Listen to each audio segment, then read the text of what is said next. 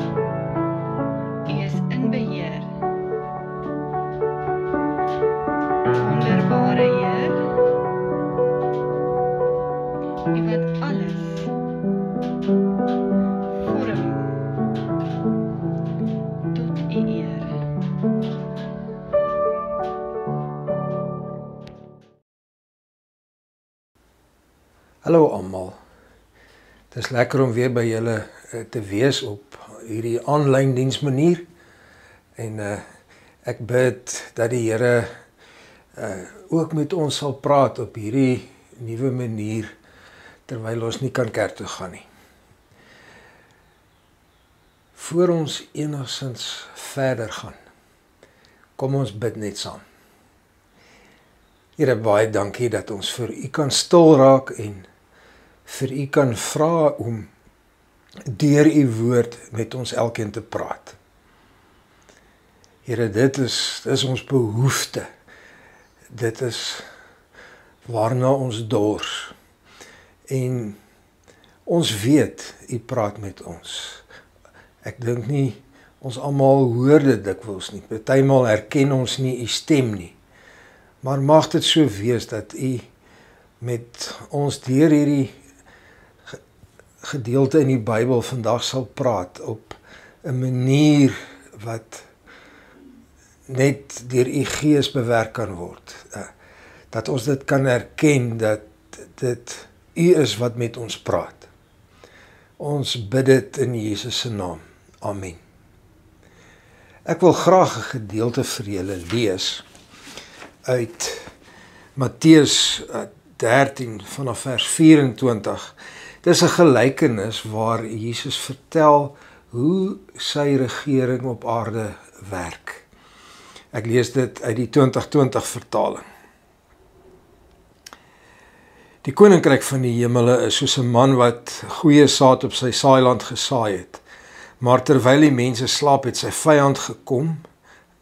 Drabok, drabok is 'n onkruid julle tussen die koring gesaai en weggegaan.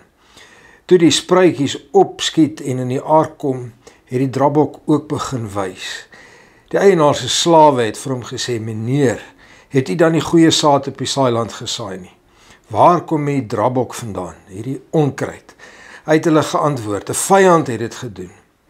En die slawe sê toe vir hom: "Wil u dat ons dit bymekaar gaan maak?" Maar hy sê: "Nee, anders kan julle dalk terwyl julle die drabok bymekaar maak, die koring saam uittrek." Laat albei saam groei tot die oes toe. En in die oestyd sal ek vir die wat oes sê: Maak eers die drabok bymekaar en bind dit in bondels om te verbrand. Maar maak die koring in my skuur bymekaar. En so 'n paar verse later verduidelik hy dan, verklaar hy hierdie gelykenis. Die een wat die goeie saad saai is die seun van die mens, dis Christus. Die saailand is die wêreld Die goeie saad is die kinders van die koninkryk. Die drabok is die kinders van die bose. Die vyand wat dit gesaai het is die duiwel. Die oes is die volëinding van die tyd en die wat oes is engele.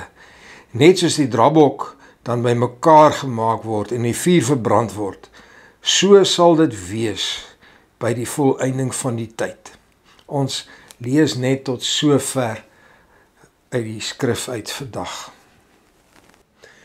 Christus verduidelik hoe sy regering op aarde werk.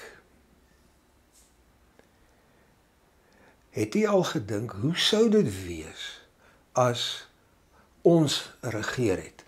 Volledig al die mag gehad het wat nodig was en ons regeer het.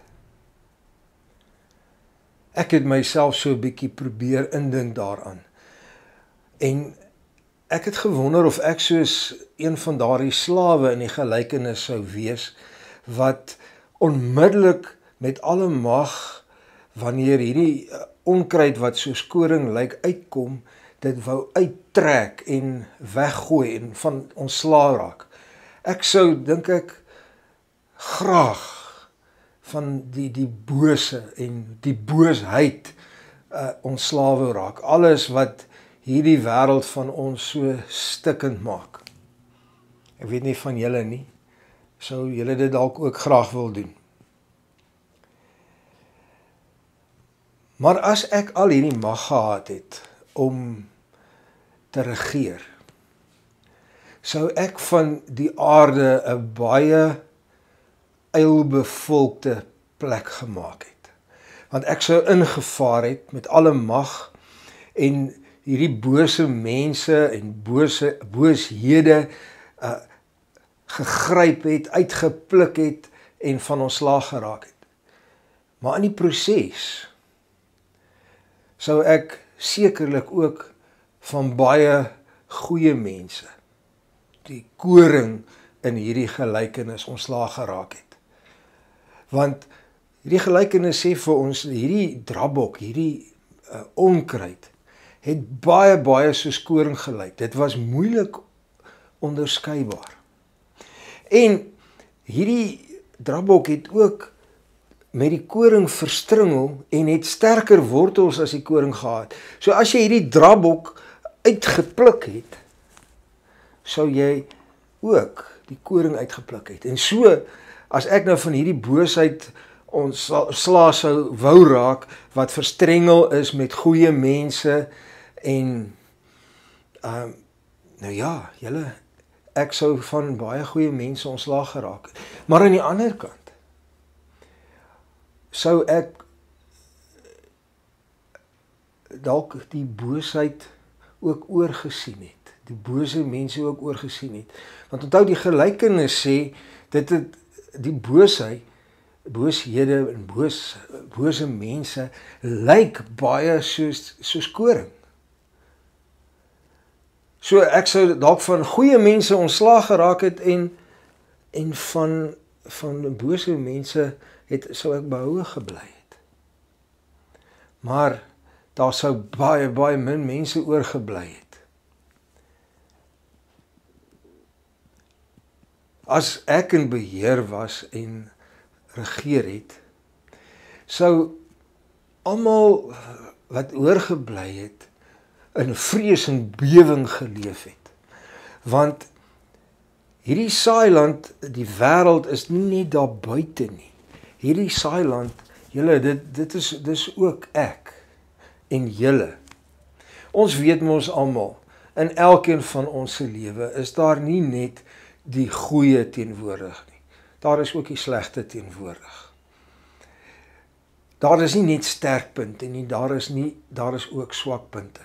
Daar is nie net vrugte nie, daar is ook onkruid. En as ons nou die regering gehad het, dan sou ons van mekaar ontslaag geraak het. Want dan sou julle die oomblik wanneer julle onkruid in my saai land gesien het, van my wou ontslaa raak. En as ek onkruid in julle saailand gesien het, dan sou ek van julle wou ontslaa raak. Kan julle dink hoe in vrees ons sou geleef het? As ek in beheer was of ons gesamentlik dalk in beheer was, sou Ja, julle heel waarskynlik daar sal sou daar nie 'n Christelike kerk gewees het nie. Ehm um, daar sou dalk nie Christene gewees het nie.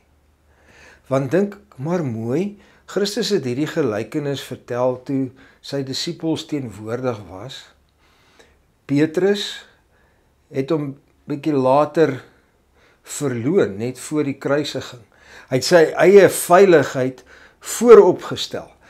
Ek sou dit sien as as onkruid in sy lewe, as drabok en ek sou van Petrus ontslaag geraak het. Thomas het getwyfel aan die opstanding van Christus. En dis onkruid, julle ek sou van Thomas ontslag geraak het. En Johannes en Jakobus, hulle wou saam met Jesus Christus regeer. Um op die, aan die einde van tye en ek sou gedink het nee man, hierdie ouens soek net status en eer en mag. Dit dis onkruid in hulle lewe. Dis eie ek. Ek sou van hulle ontslag geraak. En en Paulus, hy het die kerk vervolg en hy het gelowiges in die tronk gestop ek, ek dis onkruid julle. Ek sou van Paulus ontslaag geraak het. Hy's deel van die bose. Maar Paulus is die grootste sendeling van alle tye. Hy die evangelie uh, in die onbekende wêreld van daai tyd laat versprei en danksy hom glo ons. Petrus die rots van die die vroeë kerk en belangrike figure in die verkondiging en die verspreiding van die evangelie. Sonder hulle waar sou ons gewees het?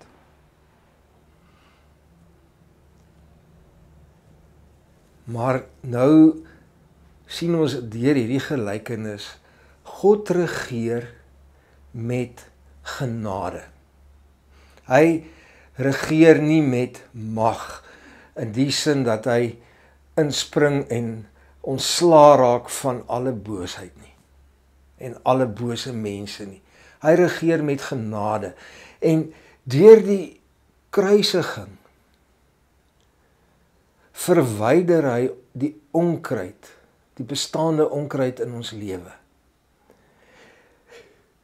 In 'n verhouding met Christus word die onkruid in ons lewe beperk raak ons bewus van wanneer onkruid verskyn en kan ons vir Christus vra om dit te verwyder. Deur Christus en deur die kruisiging weet ons dat dat God ons in diens neem ten spyte van die onkruid in ons lewe. Dink nou weer aan Petrus en Paulus en Johannes en Jakobus en Thomas en in dies meer. Ons kan vandag net God eer dat hy met genade en geduld regeer en nie met mag soos wat ons dikwels sou wou doen nie. Kom ons dank hom vir hierdie hierdie wonderlike wyse waarop hy regeer. Here, ons sê vir u baie dankie dat u met genade en geduld regeer. Dat U ons verdra ten spyte van die onkruid in ons lewe. Dat U deur die kruisiging van Jesus die onkruid uit ons lewe verwyder. Dat U ons gebruik terwyl ons nog steeds onkruid het. Ons eer U vir die wyse waardeur en waarop u regeer. In Jesus naam. Amen.